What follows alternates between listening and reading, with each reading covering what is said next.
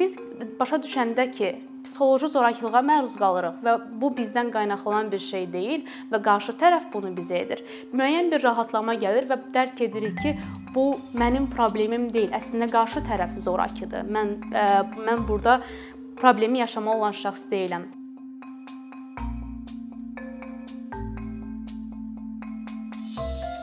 Layihənin başlamadan əvvəl biz fikirləşdik ki, Azərbaycanda qadınlara qarşı zorakılıq mövzusuna fokuslanmalıyıq və bu zaman düşündük ki, psixoloji zorakılıq mövzusu ən vacibidir. Çünki hal-hazırda belə bir vəziyyət var idi ki, daha doğrusu biz başlamadan əvvəl belə bir vəziyyət var idi ki, Azərbaycanda zorakılıq, əsasən də psixoloji zorakılığın özü çox ciddi formada normallaşdırılmışdı. Yəni adi bir hala çevrilmişdi.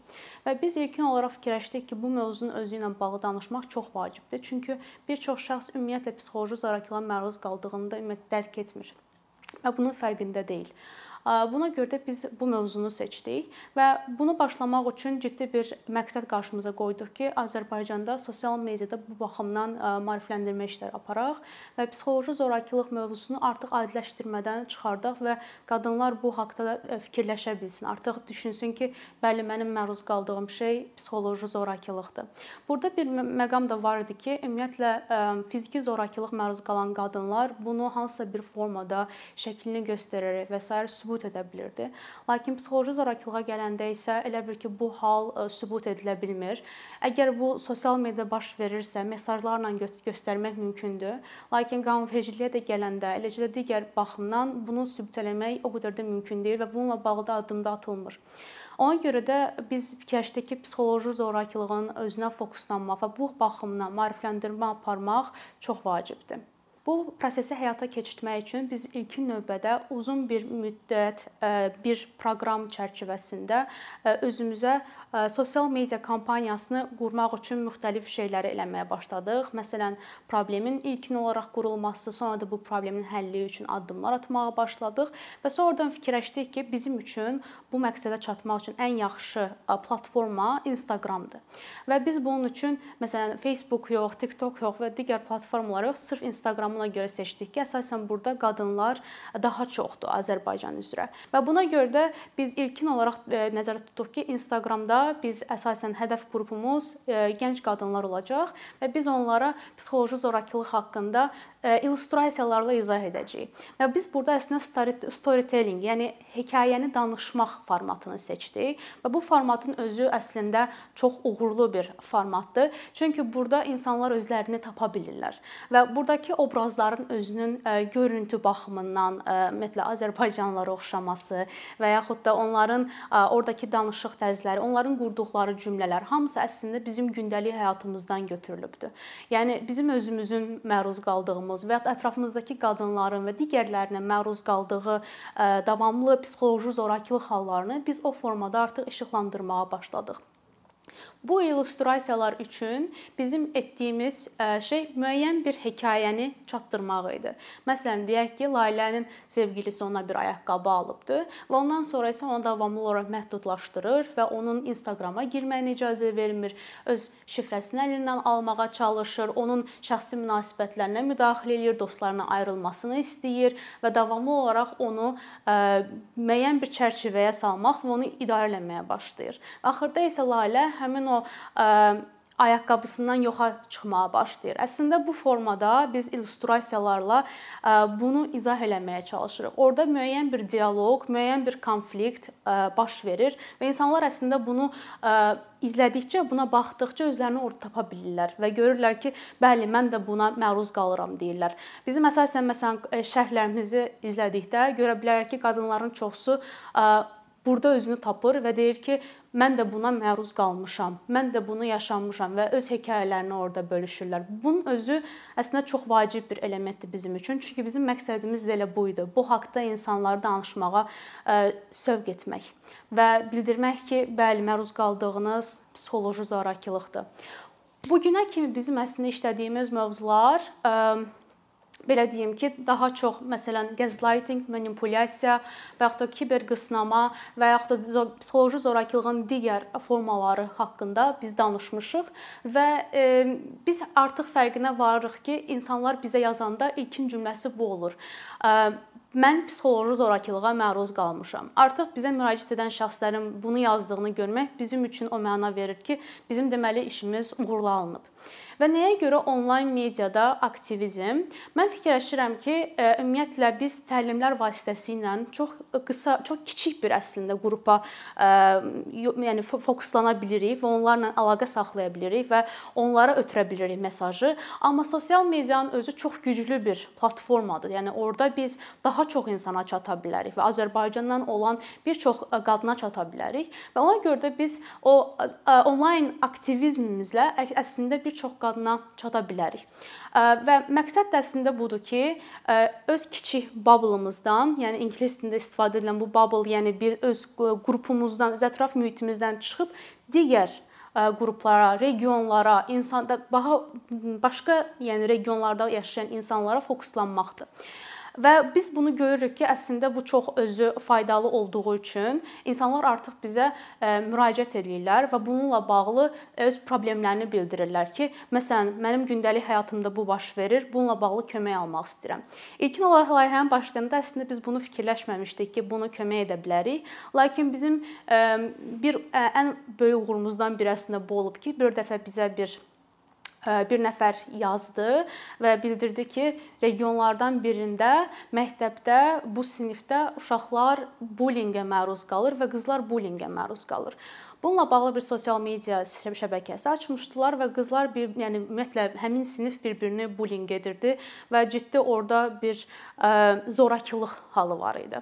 Bunu bizə müraciət edən kimi biz aktivist Nərmin Şahmazadə ilə danışdıq. Eləcə də o ə, polislə əlaqə saxladı, yəni Daxili İşlər Nazirliyi ilə danışdı və biz bunu həll etməyə çalışdıq ki, bu problem ə, artıq olmasın. Və həmin bölgədə bu problemi həlli ilə bağlı polis əslində ə, fəaliyyət göstərdi və və bununla bağlı e, belə deyə bilərik ki, həmin bullying məsələsi bağlandı və həmin sosial media e, şəbəkəsindəki profil də bağlandı. Çünki həmin valideynlərlə e, işlənildi. Onlar polisə dəvət edildi və onların ümumiyyətlə uşaqlarının belə bir bir-birlərinə qarşı zorakı formada davranışları danışıldı. Bunun o kimi effekti oldu ki, biz şəxsin özünə həmin məktəbdəki bullyingin dayanmasına kömək edə bildik.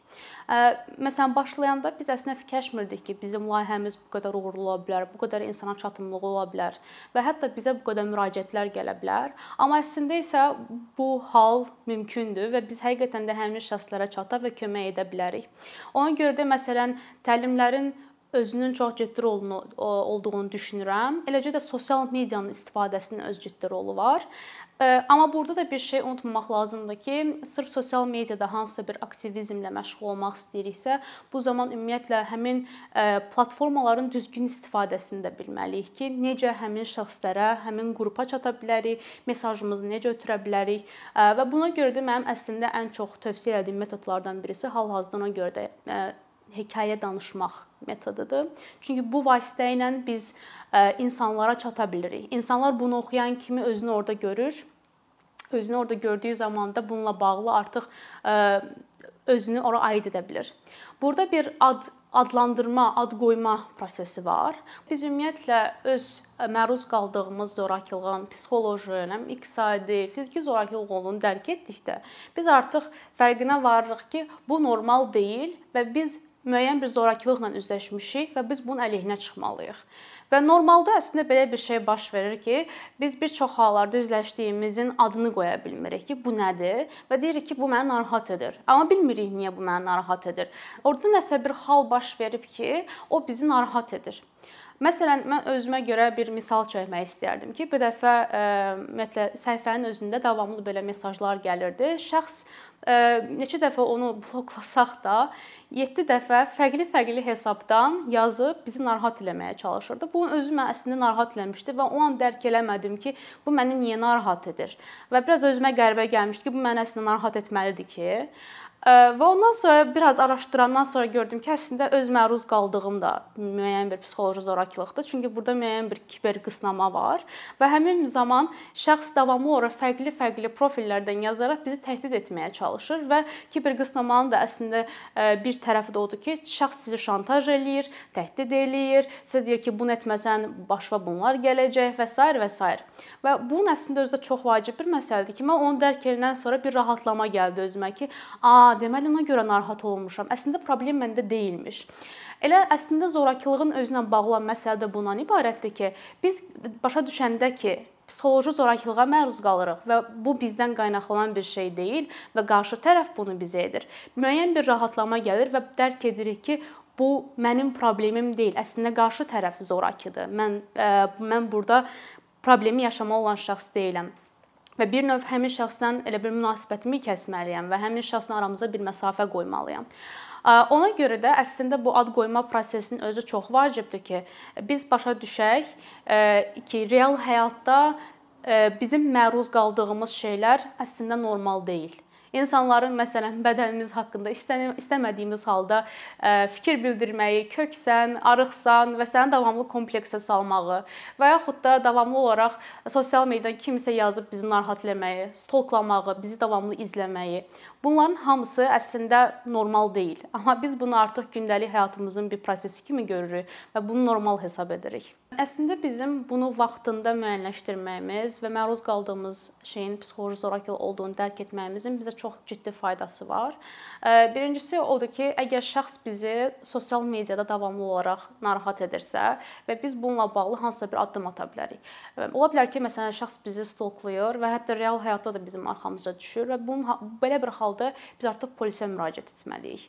Belə bir e, şeyi dərk eləmək onu göstərir göstərir ki, biz artıq addım atmalıyıq biz artıq öz həyatımız üçün e, bir müəyyən bir addım atmalıyıq ki, özümüzü təhlükəsiz bir e, vəziyyətə gətirə bilək. Və hal-hazırda mən onu görürəm ki, bizə müraciət edən şəxslər əslində bununla bağlı addım atmaq istəyirlər. Düzdür, müəyyən qədər bir qorxu var və çəkinirlər. Fikirləşirlər ki, ailəmə qarşı necə çıxacağam? Onlar mənə zorakılıq edir, amma qorxuram və yaxud da deyək ki, partnyor məni çox qorxudur. Mən ondan ayrılsam özünü ölməklə təhdid edir.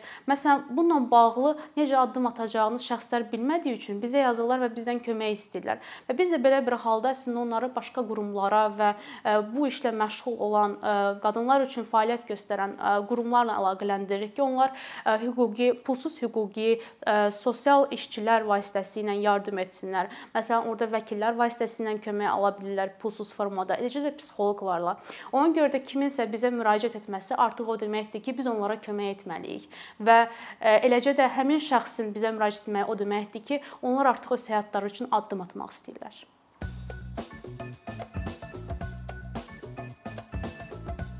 Bir neçə ildir ki, əkinçi olaraq Azərbaycanlı izləyicilərin hər zaman faydalana biləcəyi keyfiyyətli və ən əsas ödənişsiz kontent hazırlamağa çalışırıq. İndiyədək təqdim etdiyimiz onlarla animasiya və yüzlərlə çəkilişlər tələbələrin, mütəxəssislərin, müəllimlərin və ümumiyyətlə yeni mövzulardan xəbərdar olmaq istəyən çox sayda insanın marağına səbəb olub.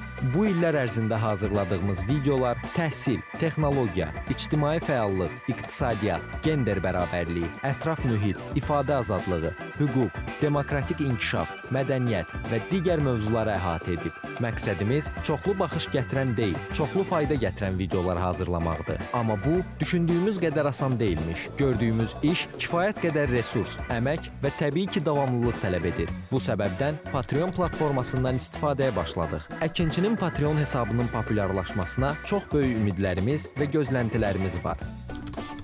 Bəziləriniz Patreon haqqında ilk dəfə eşidirsiniz. Əslində çox sadə izahı olan bir platformadır.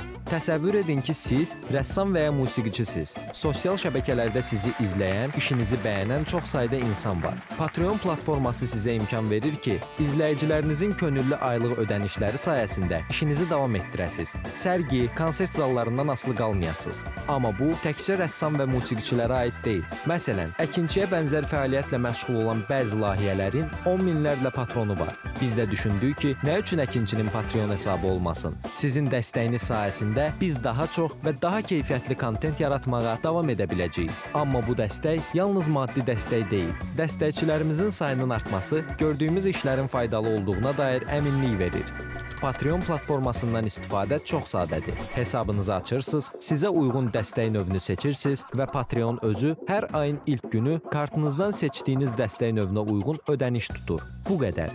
Sonda onu demək istəyirik ki, dəstəkçilərin sırasına qoşulmaq istəyən, amma məhdud imkana görə bunu edə bilməyənlər narahat olmasın. Daha öncə dediyimiz kimi, bizim əsas məqsədimiz daha çox insanın hər zaman faydalana biləcəyi keyfiyyətli və ödənişsiz kontentin yaradılmasıdır.